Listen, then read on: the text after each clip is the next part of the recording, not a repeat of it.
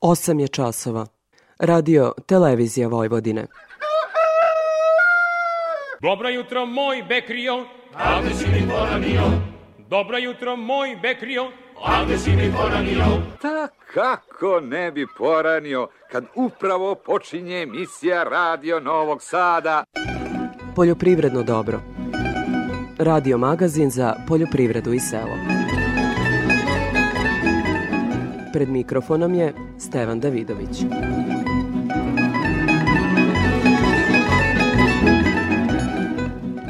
Dobro jutro. Loši prinosi jarih kultura drastično menjaju setvenu strukturu na našim oranicama. Ratari u strahu od suše povećavaju procenat ozimog bilja, a u nekim atarijama se značajno smanjuju planirane površine pod kukuruzom. To nam potvrđuje direktor poljoprivredne stručne službe u Subotici Damir Varga. Pa uljana repica je znači povećana u odnosu na prošlu godinu, negde između 5,5 i 6 hiljada hektara uljana repica, pšenica je zasijana na, na, na oko 25-26 hiljada hektara i ječan je znači isto povećao se u strukturi setve, tako da je u odnosu na prošlogodišnji kada su imali oko 4000 hektara, sad ima zasijano blizu 6000 hektara pod ječmom. O, iduće godine imaćemo rekordno niske površine pod kukuruzom, možda svega oko 20.000 hektara, a to je smanjenje za 50% u odnosu na višegodišnji prosek. Godina koja se kalendarski bliži kraju bila je teška za biljnu proizvodnju. Kako su poslovali voćari koji su neretko izvozno orijentisani, u temi emisije razgovaramo sa profesorom na Novosadskom poljoprivrednom fakultetu, Nenadom Magazinom. U nastavku emisije donosimo i zapis sa sajma etnohrane i pića na Beogradskom sajmu, koji možete posetiti još danas – Ministarka poljoprivrede Jelena Tanasković rekla je za RTS da isplata premije za mleko za treći kvartal počinje u ponedeljak, a da će sve subvencije biti isplaćene do kraja godine. Budžet Ministarstva poljoprivrede je nikad veći. Mi smo trenutno na 78,5 milijardi u ovoj godini, što čini 5,3% ukupnih poreskih prihoda države. Možda bitnije od uh, ukupnih cifara koje se pominju u našim poljoprivrednim proizvođačima jeste činjenica da 62 milijarde od tog budžeta upravo ide na podsticaje u ovoj godini. Dodatnih 16,5 milijardi će biti isplaćeni na podsticaje u celosti. Mi smo već ove nedelje krenuli sa isplatama i preko 4 milijarde dinara smo isplatili. Isplatili smo mleko za drugi kvartal već u ponedeljak u celosti meru. Isplatili Smanjili smo gorivo, to je dodatna mera koju je država donela 20 dinara po litru.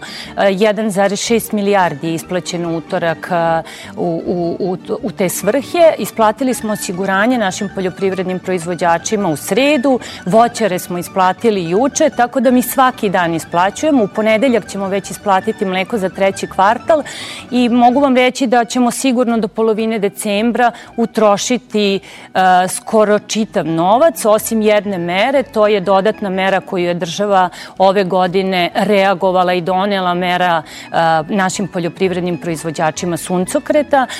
Prosto u ovom trenutku već imamo oko 35.000 zahteva koji su stigli, tako da idemo sa isplatom svih re, redovnih mera, ako tako mogu da kažem, da bismo onda verovatno i 30. decembra isplaćivali suncokret. Ali u svakom slučaju sve će biti izmirano do kraja ove godine. Toliko u uvodu sledi muzika pa izveštaj agrometeorologa.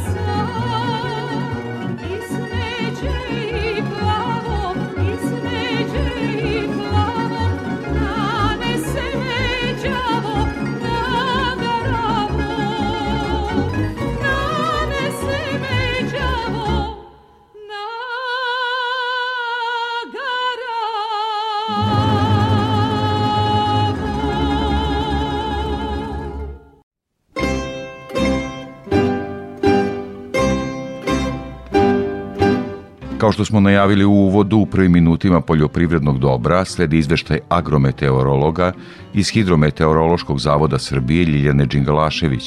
Protekla sedmica obeležena je promenljivim vremenom i temperaturama nešto višim od prosečnih za ovaj deo novembra. Minimalne temperature vazduha u većini područja bile su u intervalu od 0 do 9 stepeni, a sredinom sedmice su ponegde zabeleženi slabi mrazevi na 2 metra visine. Maksimalne dnevne temperature bile su od 5 do 16 stepeni. U prizemnom sloju vazduha pojedinih dana bilo je slabih do umerenih mrazeva sa intenzitetima do minus 5 stepeni koji nisu imali negativan uticaj na ozime useve. U dosadašnjem delu jeseni ukupni agrometeorološki uslovi bili su uglavnom povoljni za obavljanje poljoprivrednih radova na otvorenom, za završetak setve pšenice kao i za početne faze razvoja posejanih ozimih kultura. Proteklih dana bilo je padavina sa ukupnim dospalim količinama od 20 do 100 mm. Najviše padavina registrovano je na jugozapadu zemlje od 80 do 100 mm. Procenat padavina u poslednjih mesec dana u odnosu na prosek je u velikom delu zemlje oko 125 procenata, a u pojedinim područjima između 50 i 75 procenata. Sa dospelim padavinama u poslednjih sedam dana popravljena je vlažnost setvenog i dubljih slojeva poljoprivrednog zemljišta. Početne faze razvoja ozimih useva će proticati u optimalnim agrometeorološkim uslovima, što će im koristiti da se dobro pripreme za predstojeći period mirovanja. Ovo je period za radove u voćnjaku koji će pripremiti biljku za nastupajući period zimskog mirovanja, uklanjanje polomljenih i oštećenih grana trulih plodova. Vreme je kada se obavlja jesenje prskanje bakarnim preparatima radi smanjenja infekcijnog potencijala prouzrokovača biljnih bolesti. Mladi zasadi voća su osetljivi na štetu od glodara, pre svega zečeva. Takođe potrebno je redovno pregledati parcele pod ozimim žitima zbog prisustva glodara i po potrebi primeniti mere na njihovom suzbijanju.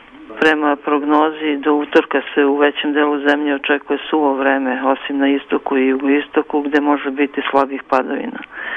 Zatim bi od srede prevođivalo oblačno mestimično sa kišom u nižim predelima i snegom u višim.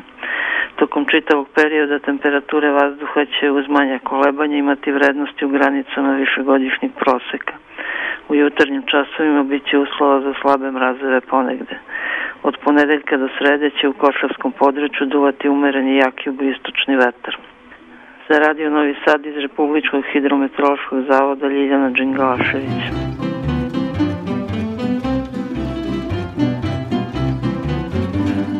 O aktuelnim poslovima i setvenoj strukturi razgovaram sa direktorom poljoprivredne stručne službe u Subotici, Damirom Vargom. Kakva je situacija u Subotičkom ataru kada je reč o aktuelnim radovima ili ima još šta na polju da se radi? A kada je reč o aktuelnim radovima, ostalo je da se obavi osnovna obrada zemljišta za prolećne useve. Što se tiče ozimih useva, setva je, setva je okončana, tako da, da uglavnom to je ono što je ostalo za proleće još da se radi. Damire, koliko ste zadovoljni onim što je urađeno u smislu kvaliteta đubrenja, u smislu kvaliteta obrade i svega onog što je potrebno da bi se mogao očekivati visok prinos naredne godine? Sever Bačke ove godine zadesila je velika suša, prosečni prinos kukuruza je možda svega oko tonu i po po hektaru i iz tih razloga zasijano je skoro 60% površine ozimim usevima. E sada, ako gledamo nivo primenjene agrotehnike, ima znači kod neki proizvođači koji su primenili full agrotehniku, negde da je mineralno đubrivo smanjeno, a ima i parcela koje su samo istanjerano kukuruzište, posijana pšenica sa tavana, bez ikakvog đubrenja, tako da su rašte nivoi agrotehnike, svakako da će se to odraziti na prinos. Zadovoljstvo sa tim nema nikakve veze, jednostavno proizvođači su u besparici, znači neki bili prinuđeni da obrade zemlju bilo kako, tako da vidjet ćemo kakva će biti godina naredna i šta će nam doneti. Možda da kratko podsjetimo samo za koje kulture su se opredelili ove godine više ili manje poljoprivrednici u zavisnosti od cena na berzama? Pa uljana repica je znači povećana u odnosu na prošlu godinu, negde između 5,5 i 6 hiljada hektara uljana repica, pšenica je zasijana na, na, na oko 25-26 hiljada hektara i ječam je znači isto povećao se u strukturi setve, tako da je u odnosu na prošlogodišnji kada su imali oko 3000 hektara, sad ima zasijano blizu 6000 hektara pod ječmom. Šta je sa šećernom repom? Koliko se ona gaji u Subotičkom ataru? Šećerna repa je minorna kultura u Subotičkom ataru, s obzirom da je rup telečki visoravni, zemljište nešto lakšeg mehaničkog sastava, manje vododržeće sposobnosti, tako da su površine po šećernom repom posle nekoliko godina tu do 1000 hektara, a isto tako smanjilo se i učešće soje u strukturi setve, sada ono iznosi negde do 500 hektara sa tendencijom daljeg pada, o, iduće godine imaćemo rekordno niske površine pod kukuruzom, možda svega oko 20.000 hektara, a to je smanjenje za 50% u odnosu na višegodišnji prosek. Sve zbog bojaznosti poljoprivrednih proizvođača da bi suša mogla da se nastavi iduće godine, s obzirom da rezerve vlage opet nisu, nisu dovoljne. Evo imali smo padavine u septembru, ali je zato do polovine novembra i sve oktobar bilo je suvo vreme, ovih dana imamo kišice, ali to je sve 5-6 litara dnevno, tako da, da možemo reći da je zemljište na dubini ispod 30 cm po prilici i sušeno.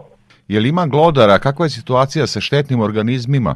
Pa tu i tamo, kažem, nađe se još to nije, bar vizualno, nije utvrđeno, znači da su neke velike štete, jer eto, ostalo je tu i rasuto kukuruza i svega, tako da oni za sad imaju hrane i ne pričinjavaju štete na gajenim usejima.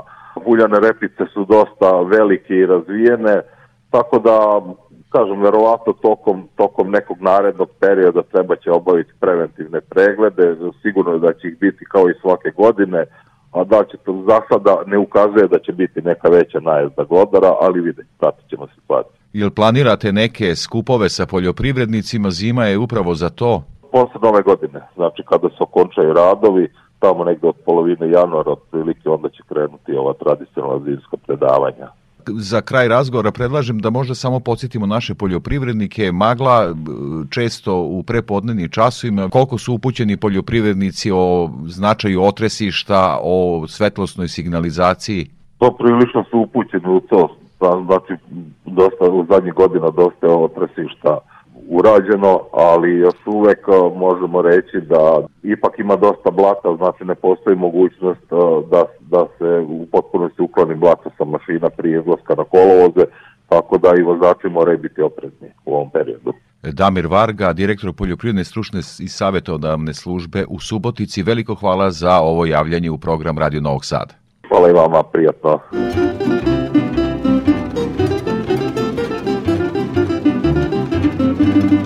Prelazimo na zaštitu bilja. Iz prognozu izveštene službe javlja se stručnjak u toj oblasti Milena Marčić. Za naredni period preporučujemo obilazak useva pšenice, ječma, uljane repice, lucerke, ali i voćne zasade i vinograde, naročito mlade zasade, na prisustvo aktivnih rupa od glodara. U našim proizvodnim uslovima glodari koji prave najveće štete su poljski miš i poljska voluharica. Hemijskom suzbijanju se pristupa samo po postizanju pragova štetnosti, te je zato važno prepoznati rupu, odnosno koje štetočini pripada i koliki je njihov broj po jedinici površine. Poljski miš pravi podzemne jazbine koji imaju svega 1 do 2 ulazna otvora, a poljska voluharica obrazuje kolonije koje se lako raspoznaju po utabanim stazicama koje spajaju ulazne otvore. Te utabane stazice između rupa nastaju zbog njihovog kretanja jer vuku stomak po zemlji. Dakle, kod poljskog miša nema stazice između rupa, dok kod poljske voluharice ima više rupa povezanih stazicama. Zato se i pragovi štetnosti kada se pristupa suzbijanju razlikuju iz ove dve štetočine. Za poljskog miša prag štetnosti je 10 do 50 aktivnih rupa po hektaru, dok je za poljsku voluharicu taj prag veći od 10 do 500 aktivnih rupa po hektaru. Kada se utvrdi kritičan prag štetnosti, tada se pristupa hemijskom suzbijanju. Kod nas dozvolu za upotrebu imaju rodenticidi na bazi cink fosfida. U aktivne rupe se stavlja 5 do 10 grama gotovog mamka, u svakom slučaju u skladu sa uputstvom za upotrebu. Nakon primene mamaka, rupe treba obavezno zatrpati zemljom da ne bi došlo do trovanja divljači i stoke. Znači, vrlo važno je obavezno zatrpavanje rupa nakon postavljanja mamaka u njih. Prema rezultatima monitoringa u proteklih desetak dana nije za sada uočeno značajnije prisustvo glodara u polju, ali s obzirom na sposobnost njihove brze reprodukcije i visok reproduktivni potencijal treba redovno pratiti stanje na parcelama, Podsećamo naše slušalce da uvek treba obilaziti redovno useve, bez obzira o kom štetnom organizmu se radi, jer svaka parcela je posebna priča, poseban mikroklimat za sebe. Negde je možda već postignut prag štetnosti, a negde neće biti potrebe da se vrši suzbijanje glodara. U svakom slučaju treba kontrolisati i redovno pratiti stanje usevima, a za kraj da kažemo da je značajna biološka mera kontrole glodara i korišćenje predatora, ptica grabljevica, zato je od velikog značaja postavljanje visokih motki u obliku slova T za njihovo sletanje i na taj način ne samo da se redukuje populacija glodara, već se pomaže očuvanje populacije ptica grabljevica. Iz prognoza izveštene službe za zaštitu bilja Milena Marčića.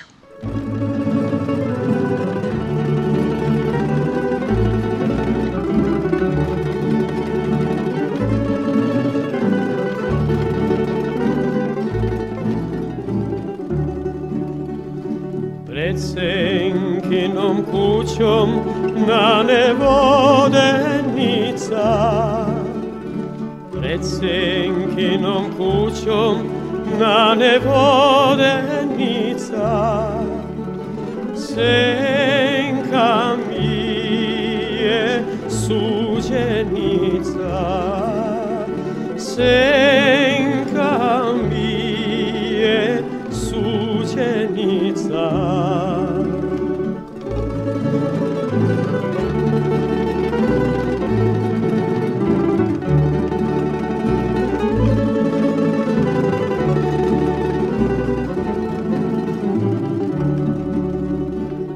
senkinom kućom na nevoda teče.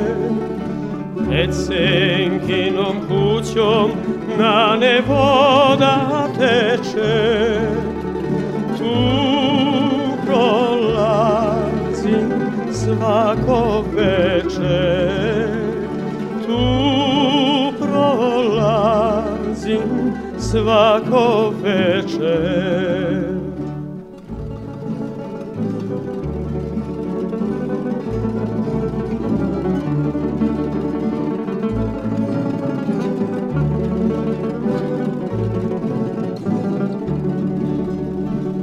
večer oči senko, more pogledaj me. Digni oči senko, more pogledaj me. Skrši veđe, namigna me. Skrši veđe, namigna me.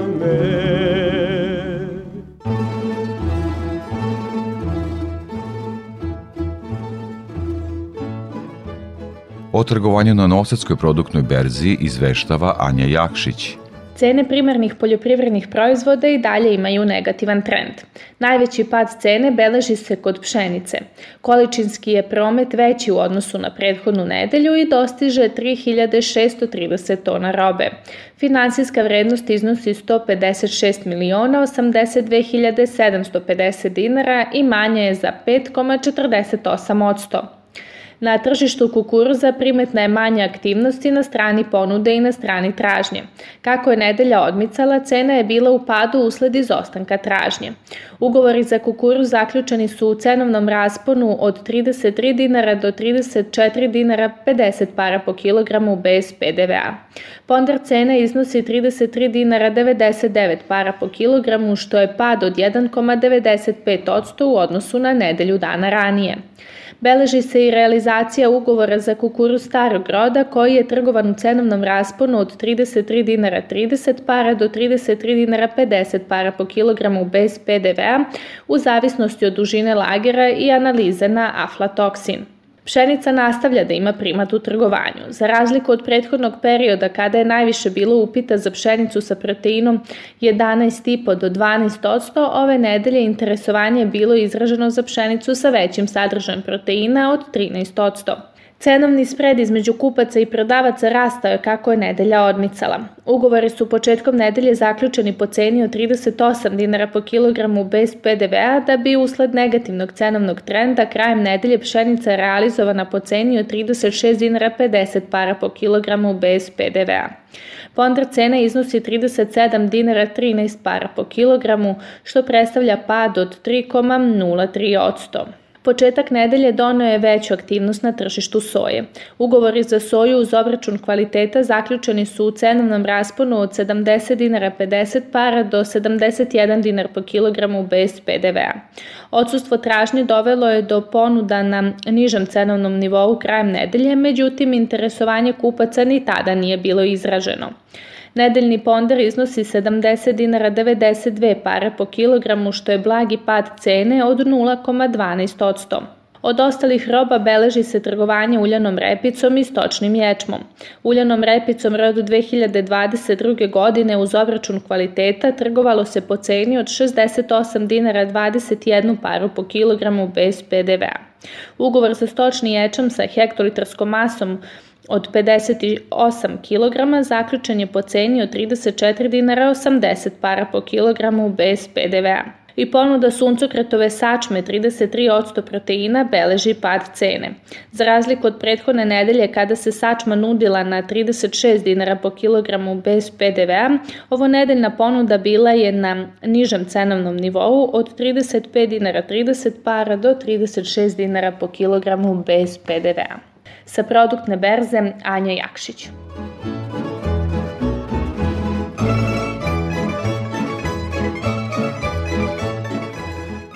Kao i svake nedelje pratimo izveštaj o cenama sa tržišta žive stoke. Iz Infotim Logistike Gordana Jeličić.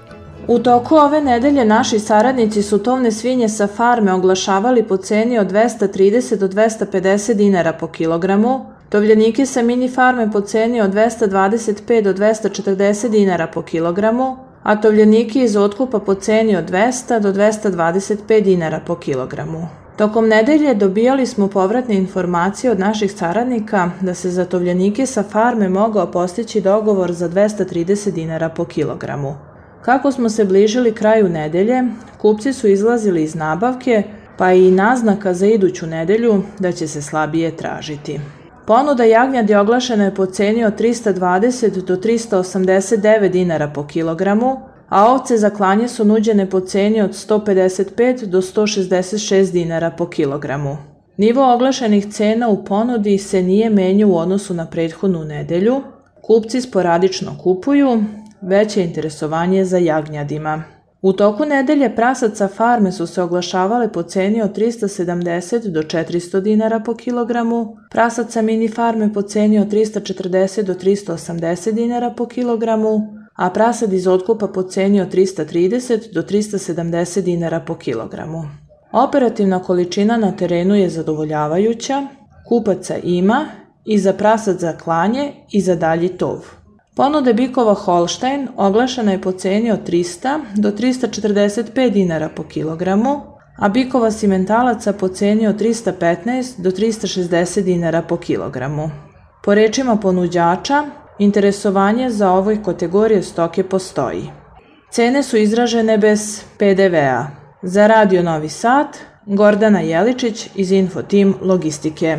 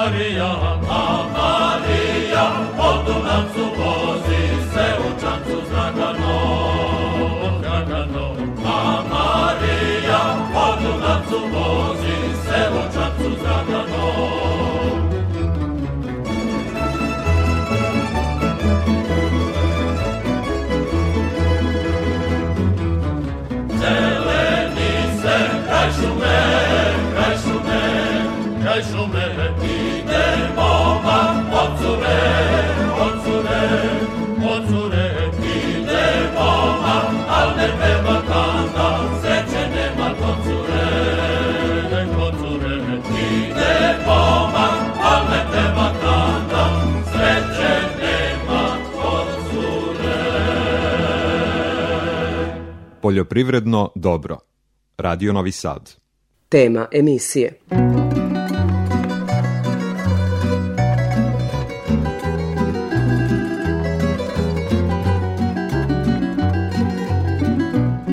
Kako su ove godine poslovali voćari, koji su neretko i izvozno orijentisani, u temi emisije razgovaram sa profesorom na Novosadskom poljoprivrednom fakultetu, Nenadom Magazinom. Profesore, bliži se kraj kalendarske godine, da li se i za voćare može reći da, je, da se bliži kraj sezone kada je voćarstvo u pitanju? U voćarstvu u postojećim zasadima berba je završena osim u jednom ma, manjem, vrlo manjem, vrlo malom delu zasada jabuke sa novim kasnim sortama koje se beru uh, čak i u novembru, ali i u tim zasadima vrlo sporadično je, su, su plodovi ostali na stablu, Dru, drugi radovi su postojećim zasadima uglavnom završeni, još ponegde je list na stablima, tako da će se obaviti e, naknadno e, tretiranja, zaštitna tretiranja prije zimskog mirovanja. I to je, to je, ulazimo u jedan period sa manje radova postojećim zasadima, ali to ne znači za, da, za, da budući voćari mogu da sjede mirno, oni su do sada trebali da pripreme zemljište i da ako su se opredelili za jesenju sadnju da počnu, da počnu sadnju kada vremenski uslovi to dozvole. Krenuli smo nekako od same agronomije, ali da možda ovaj razgovor posvetimo više agroekonomiji, odnosno ekonomiji, ono što naše voćare verovatno najviše zanima, to je da vi date ocenu kakva je bila godina s obzirom i na klimu i na sva dešavanja u svetu, pre svega sukobu u Ukrajini i tako dalje, naš izvoz voća. Voćarstvo u Srbiji je vrlo veliko i heterogeno i vrlo, nemate puno voćara koji se bave velikim brojem voćnih vrsta, uglavnom su specializovani za jednu, dve, eventualno tri voćne vrste. Uspeh ili neuspeh e, uzrokovan bilo lošim tržištem, bilo lošim uslovima, u jednoj voćnoj vrsti ne može da, da bude reper uspjeha u drugi, kod drugih voćnih vrsta i kod drugih proizvođača. Imamo jednu prosječnu godinu što se tiče prinosa, prosječnu godinu što se tiče kvaliteta kod nekih voćnih vrsta, možda imamo malo čak i i bolji kvalitet odnosno neke ranije godine, ali zato imamo velike poremećaje na tržištu upravo zbog, zbog navedene, navedene krize, smanjeni obim izvoza za Rusiju koja je naš glavni spoljno-trgovinski partner u domenu izvoza svježeg, svježeg voća.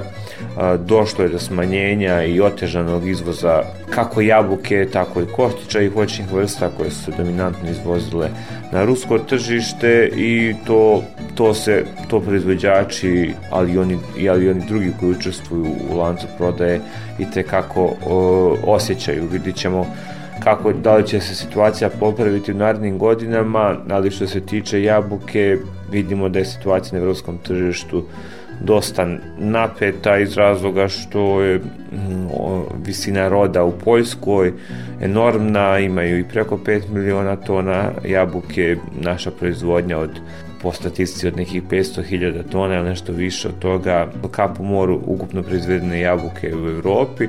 Cijena, mi nismo konkurentni sa cijenom u odnosu na Poljsku, ali možemo i, i da se izborimo zahvaljujući svom kvalitetu i da neka tržišta koja možda nisu dostupna zemljama iz Evropske unije mi uspijemo da otvorimo zahvaljujući kontaktima koji se tamo ostvaruju.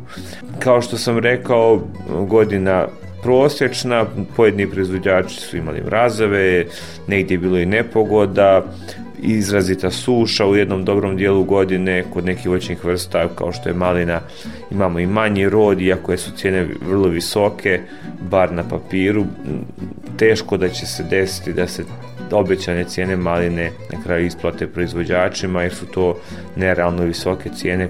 Treba gledati šta se dalje dešava s tom malinom, a situacija je takva da ta malina vrlo sporo se izvozi jer, jer je kupcima cijena koja, koja, koja je kod nas e, trenutno vrlo visoka, jednostavno ima konkurentnih zemalja što se tiče maline i mi bojim se da gubimo polako tržište ako nastavimo ovaj trend enormno visokih cijena maline. Kolika je cijena, oprostite? Cijena maline u otkupu je išla i do 650 dinara, što je nerealno visoka cijena, a sada se ne može prodati ni, ni za mnogo manju cijenu i to zamrznuta, dakle sa svim papirima, da kažemo prerađena, jeli? Bojim se da će, da će ono što smo govorili prošle i ove godine, ta politika visokih cijena be, bez razmišljanja o posljedicama dovesti do toga da se kupci preorijentišu na druge zemlje i druge proizvode. Upravo to i jeste naredno pitanje, dakle, poskupljuje hrana u svetu, evidentno kod nas, svugde. Koliko od tog voćari imaju, da kažem, benefita, koliko su oni mogli naplatiti svoj proizvod u takvom svetu? Da bi voćar naplatio svoj proizvod onoliko koliko je zaista to zaista situacija dozvoljava i koliko, koliko taj voćar vrednuje da ima neku održivu proizvodnju, mora da se poklopi puno toga. Najgore su godine kad imate kod neke voćne vrste jako puno roda i kod nas i u, i u svetu i onda cijena pada i tu naravno uvijek stradaju manji proizvođači. Kada kažem manji, ne mislim možda u oni najmanji, najmanji proizvođači, nažalost takvih je takvih je malo, odnosno neka ranija vremena se snalaze nekim svojim maloprodajnim kanalima, dok neki proizvođači koji imaju par hektara ili čak deseti, desetinu hektara, o, oni ukoliko samostalno nastupaju na tržištu, plaćaju danak e, ni, nižih cijena. Da bi proizvođač mogao da ima konstantno zadovoljavajuću cijenu, mor, ono na čemu mi insistiramo je udruživanje, da bi se moglo nastupati na nekom većem tržištu. Počarstvo kod nas je izvozno orijentisano i kada izvozite vi niste konkurencija proizvođaču iz, iz, iz, iz sela pored vas, ni, ni, ni, ni proizvođaču iz nekog drugog regiona unutar Srbije, vi ste konkurencija proizvođačima iz drugih zemalja i to tako treba posmatrati i treba što više objedinjavati našu ponudu voća na svjetskom tržištu. Samo tako možemo imati zadovoljavajuću cijenu, ali prodajom se treba baviti. Prošla su vremena toga da, da kupci dolaze na kapiju proizvođača, naravno u ne, nekim godinama kada i prinos kada zbog nekih situacija imamo vrlo mali rod, to se dalje dešava, ali ta vremena će biti sve ređa, znači prodajom se treba baviti, treba obilaziti kupce, obilaziti sajmove, ali ono na čemu ja insistiram takođe, pored inostranog tržišta, ne treba zanemarivati domaće tržište, nekada proizvođače povuče visoka cijena vani i onda plasiraju konkretno jabuku ili neko drugo voće niže kvalitete na domaće tržište, što odbija kupce i vodi do ka, toga, ka tome da kupci se orijentišu na neke druge proizvode južno voće koje im bude dostupnije ili, ili praktičnije, kvalitetnije u nekim segmentima, tako da prodajom se treba aktivno baviti, ne treba prepustiti prodaju momentu berbe. Šta saditi kada se kreće u voćarstvo s obzirom na ovu na ovaj prethodni razgovor, šta je to što u svetu može da se plasira i odnosno nema dovoljno tog proizvoda? kriza neće trajati večito. Vi sadite voćnjak za neki duži niz godina i možda je ovo moment da se dobro razmisli koje su voćne vrste upravo na nekom nama najbližem tržištu, a to je evropsko tržište, prije svega tržište Evropske unije, gde su cijene dobre, koje voće postiže uvijek zadovoljavajuću cijenu, ali također razmisliti šta je to što na domaćem tržištu je možda deficitarno. Treba saditi ono voće koje na nekom konkretnom lokalitetu daje najbolje rezultate. Proizvođači imaju mogućnost da se orijentišu ka intenzivnoj proizvodnji stolnog voća ili eventualno proizvodnji voća za preradu, što takođe može biti koncept uz niže troškove berbe uz pomoć različitih mašina uglavnom. Ono na čemu ja insistiram je da se prije, prije sadnje uvijek razmisli kome će se taj proizvod prodavati. Znači, specijalizirati se, prodati, razmisliti da li će ta šljiva, jabuka, dunja, kruška da završi na tržištu svježeg voća ili na tržištu voća za preradu. Moj savjet je da se pogleda stanje na europskom tržištu koje kaže da su i podaci u izvozu voća iz Srbije koje kaže da, da na europskom tržištu u godinama van krize raste potrošnja jagodastog voća, svježeg jagodastog voća i to može biti jedan novi izvozni adut Srbije, pogotovo u domenu maline, ali i drugog jagodastog voća, gdje smo već ostvarili dobre rezultate kao što je kao što je borovnica. Pored jagodastog voća mi bilježimo jedan trend porasta izvoza kruške, breskve u Europsku uniju, zato što su te voćne vrste u, u Europskoj uniju jednom ne možemo reći dramatičnom, ali konstantnom padu sa površinama koje se tamo obrađuju po tim voćnim vrstama odnosno, i nema, nema puno novih zasada, tako da to može biti izvozna šansa za te voćne vrste i pored toga postoji šansa i za voćne vrste koje, koje završavaju u nekom vidu prerade, pogotovo u destilerijama, jer, jer je to voće dosta traženo, kao što je dunja, kao što je, kao što je šljiva u zadnje vrijeme, tako da svako treba naravno dobro da procjeni, ali treba uvijek poći od toga uh, ovaj, na tom konkretnom lokalitetu, na tom zemljištu, koje voćne vrste mogu da daju najbolji rezultat, a onda suziti izbor na onu koja može da da i najbolji profit. E, ja nisam stručnjak u toj oblasti, e, da li je interesantno za one koji mogu da čekaju prvi rod, e, imaju manje površine, lešnik, orah, mnogi za to pitaju, nekako imaju organizovan otkup često i tako dalje. Upravo taj otkup se ispostavi nekada kao slaba karika, ovaj, da to nije baš tako kao što je zamišljeno. Da krenemo redom što se tiče lešnika, dosta zasada je podignuto i postajemo onako prepoznatljiva zemlja po, po količini lešnika koja, i površinama koje su podignute. Međutim, problem s ove dve voćne vrste je što dobar dio proizvođača, odnosno ulagača u zasade ovih voćnih vrsta razmišlja o, o njima kao kulturama koje su poluintenzivne, koje ne zahtevaju puno puno truda, kao neko ulaganje, posadit ću pa će jednog dana doneti nešto što je potpuno pogrešno. Uz intenzivnu tehnologiju ove dve voćne vrste mogu i tekako doneti e, profitabilnu proizvodnju. Kod lešnika imamo problem što se u zadnje vreme javlja problem u zaštiti, odnosno, odnosno brown mramborasta stenica kao štetočina lešnika, to je smrdibuba, koja čini dosta velike štete, pogotovo ako su zasadi u, u blizini u blizini naselja, a kod, kod oraha imamo jedno, mogu reći ne lutanje u tehnologiji, nego, nego preslikavanje tehnologije iz drugih zemalja, a da, a da preslikavanje nije kompletno, ne možete se baviti intenzivnom, intenzivnim gajenjem oraha po, po modelu Kalifornije ili Italije na površinama koje su hektar, dva ili tri, jer, to podrazum, jer ta tehnologija podrazumijeva i specifičnu mašinsku rezidbu, mašinsku berbu, to što na malim površinama nije moguće da bude isplativo. A, daj Bože da se, da se da ti svi zasadi na kraju i zažive i da se u njima primenjuju sve, sve, sve mjere kada uđu uđu u pun rod, pored toga ma, ima, ima određenih problema prilikom podizanja zasta sa primom sadnog materijala, koji često dolazi iz inostranstva sa, sa, sa, sa pojednim bolestima, tako da treba dobro odmeriti, ove voćne vrste jesu deficitarne, ali jedna i druga imaju neke svoje probleme.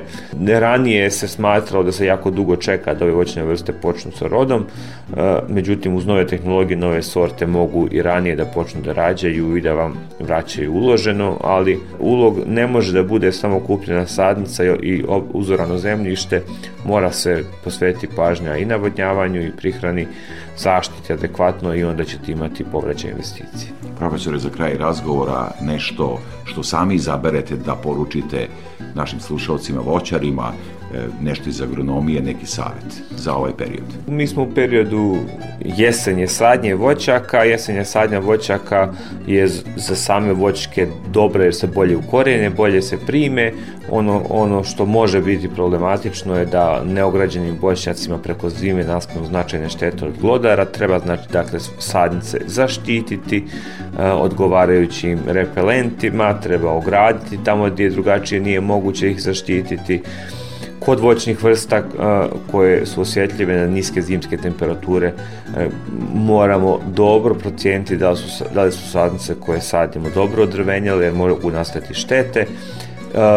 Ako imamo sistem za navodnjavanje, ako smo, ako smo dobar, iskusan voćar, proljećna sadnja može da da sasvim zadovoljavajući rezultate ili čak i bolje od jesenje sadnje, tako da kad god da sadili, poruka je dobro pripremiti zemljište, odabrati sadnice koje su kvalitetne u rasadniku, ne kupovati sadnice na pijaci, na, na, iz kamiona pored puta, jer samo tako možemo da imamo dobar start i sadnica je osnova a, kvalitetne proizvodnje voćaka. Profesor Nenad Magazin, Poljoprivredni fakultet u Novom Sadu, veliko vam hvala na razgovoru. Hvala i vama i pozdrav svim vašim slušalcima.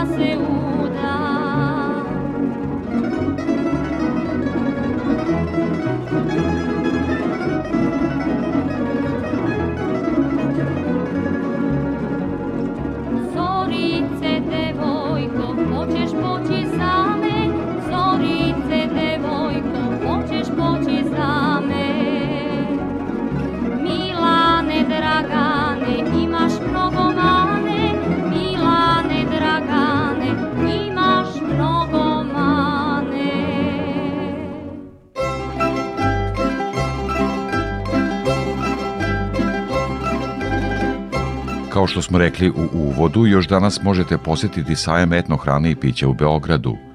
O tom sajmu razgovarao sam sa šefom oceka za deklarisanje hrane i organsku proizvodnju resornog ministarstva Branislavom Raketićem. Evo, ova manifestacija, dakle, etno hrana ovde u Beogradu, sajam, koliko se zadovoljni ove godine? Ja mislim da je ovo sada sa aspekta ponude, ne možemo još govoriti sa aspekta, ovaj, pošto je ovo i sajem i prodajnog karaktera, jedan od najboljih sajmova do, do sada. Imamo uh, veliko interesovanje, kao što sami vidite i ogromnu ovaj, ponudu. I ovo pokazuje se da, da je nešto na čemu trebamo da radimo. A, definitivno, kad vi pogledate našu poljoprivrednu strukturu, a, kod nas onako dominantni su ti proizvođači malih površina i vrlo je tu teško se boriti sa količinama, sa cenom, ali ono definitivno da se možemo boriti jeste sa nekom dodatnom vrednošću, sa nekim oznakama kvalitete i mislim da ovaj sajam to upravo pokazuje. Ovo su sve proizvodi koji ili imaju zaštitu geografskog porekla ili imaju potencijal za da se zaštiti geografskog porekla ili su proizvodi koji su u organskoj proizvodnji. Tako da to je nešto na čemu mi ministarstvo onako insistira i čini mi se da je ovo posebno interesantno za te male proizvođače da bude jedan konkurentni alat da prežive na tržištu hrane koje je, naravno, sami znate, jedna od najkonkurentnijih tržišta uopšte kad pričamo. Hrana je zaista sve skuplja, ne samo kod nas u svetu, konkurencija sve jača. Koliko je bitno da država pomogne da postanemo prepoznatljivi po onom što zaista možemo najviše da damo, to jeste agrar.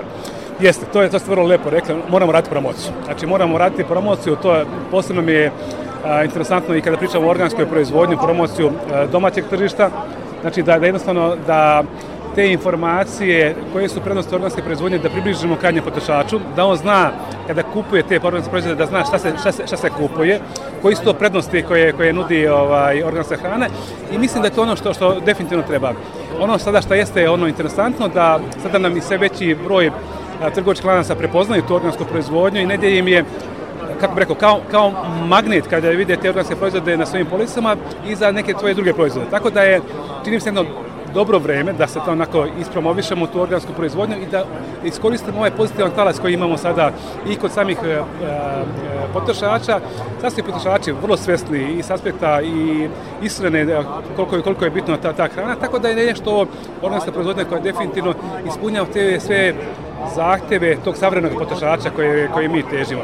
Naravno, sa druge strane i organska proizvodnja pre svega, a naravno i zaštita geografskog porekla su jedan izvozni potencijal, posebno, na primjer, organska proizvodnja, gde smo mi u prošloj godini vrijednost nam je izvoza bila 60 miliona eura i to su pre svega tržišta e, Evropske unije.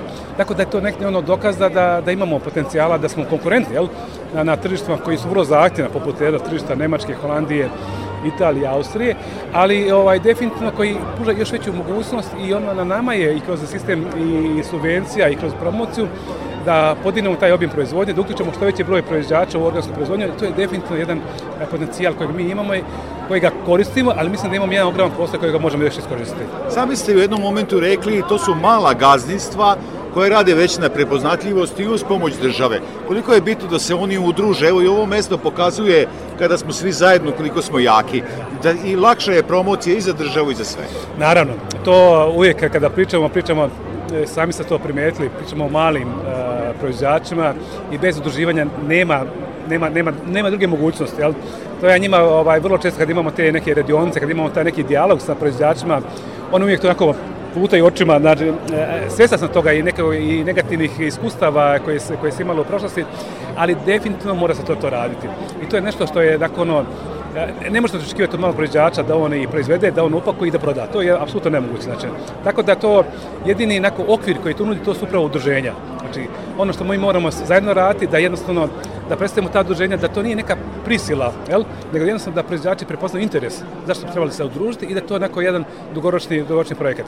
Mi smo, nažalost, imali dosta projekata E, koji, koji ima su za cilj da se napravi što veći broj udruženja, a smo svjedoci da čim završi se projekat da ta udruženja pucaju, jel? Tako da jednostavno ovdje moramo raditi više na tome i mentalitetu i malo. mentalitetu malo i, i jednostavno da, da ljudi prepoznaju interes, zašto je bitno da se on udruži sa svojim komšijom, što on to suštini dobija. I to je ono što mi radimo sada, baš radimo dole na, na, na jugu Srbije, imamo jedan taj modus obuke jeste upravo za ta udruženja. Ono što je jako bitno, na vrlo jednostavan način, da njemu objasniš zašto je to bitno, šta je to njegova korist. Znači da ne ideš neka ono široka priča, nego je vrlo neko detaljno da on vidi po džepu, jel, što je jako bitno, ovaj, zbog čega je bitno da se on udruži i kako da bolje plasira te svoje proizvode kako na domaćem tržištu, naravno tako na tržištu regiona. I evo za kraj razgovora neka vaša poruka našim pro, pro, proizvođačima gde će država insistirati da se što bolje uradi promocija i da se ovaj deo agrara zaista eksponira. Upravo ovo što mi sad radimo. Znači na, na promociji te uh, hrane koja je prepoznatljiva za nas, na, na na pomoći tim malim, malim proizvođačima, na, na podršci i pomoći stvaranju tih funkcionalnih udruženja, jel? jer to je nešto ono što definitivno mi imamo tu mogućnost i što imamo taj, taj potencijal i mislim da je to jednako stvarno, ukoliko to bi uskratili, teško može da se pričamo o nekom razvoju ukupne poljoprivredne proizvođačke industrije bez tih malih i srednjih proizvođača koji su u suštini kičva, jel? celokupne svoje privrede. Velikom hvala za ovaj razgovor. Hvala vama.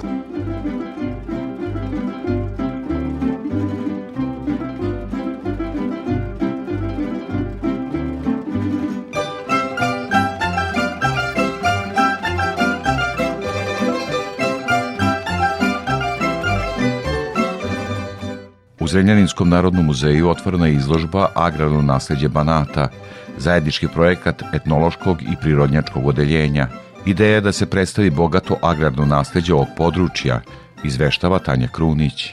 Kroz dva aspekta, etnološki i botanički, predstavljene su poljoprivredne alatke, mašine, oruđa, presovane biljne vrste, fotografije sa najznačajnijim poljskim radovima, ali i običajnim radnjama koje su se izvodile sa ciljem zaštite useva od nepogoda i osiguravanjem bogatije žetve.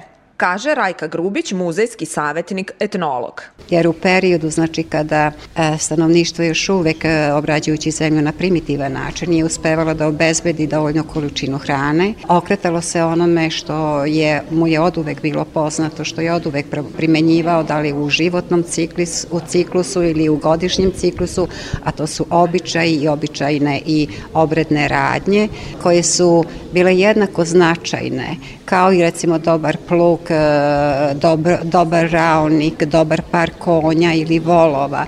Ratarstvo je u Banatu od uvek bilo osnovna privredna grana, ali je kroz vreme doživelo promene. Ovde je takođe predstavljeno i koje su se ratarske kulture gajile nekada, koje se gaje danas i koje mi koristi od njih imamo, kaže Nataša Knežević, kustos biolog. Ratarstvo se vremenom menjalo od one neke najprimitivnije mehanizacije do dana savremenih e, mašina, uređaja i tako dalje. Menjalo se biljne kulture, danas imamo brojne hibride, radi se na poboljšanju kvaliteta, otpornosti biljaka, prinosa, ali je suština ostala ista, a to je da je ratarstvo na ovom području bilo i ostalo osnovna privredna, a ujedno i egzistencijalna grana. Najstariji izloženi eksponat je krupača za kukuruz koja datira iz 1876. godine. Izloženi su i srpovi, kose, vile, kolice, lica koja su se koristila za prevoz kukuruza i slame. Prema rečima Rajke Grubić, želja je bila da se prikaže koliko je nekada bilo teško baviti se zemljoradnjom, da su svi članovi porodice bili jednako uključeni i koliko je bilo strepnje hoće li porodica moći da preživi sa onim što usevi pruže.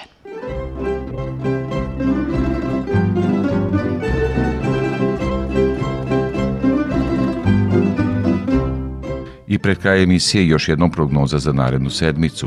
Iz Hidrometeorološkog zavoda Srbije Ljiljana Đingalašević. Prema prognozi do utorka se u većem delu zemlje očekuje suvo vreme, osim na istoku i jugoistoku gde može biti slabih padovina. Zatim bi od srede prevođivalo oblačno mestimično sa kišom u nižim predelima i snegom u višim. Tokom čitavog perioda temperature vazduha će uz manje kolebanja imati vrednosti u granicama višegodišnjih proseka.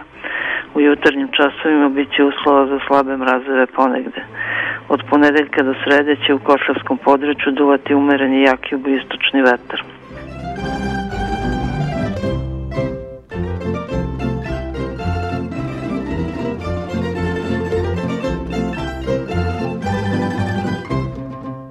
To bi bilo sve što smo pripremili za ovo izdanje poljoprivrednog dobra Radio Novog Sada. Emisiju montirala Violeta Marković. Muziku birao Aleksandar Stojanović.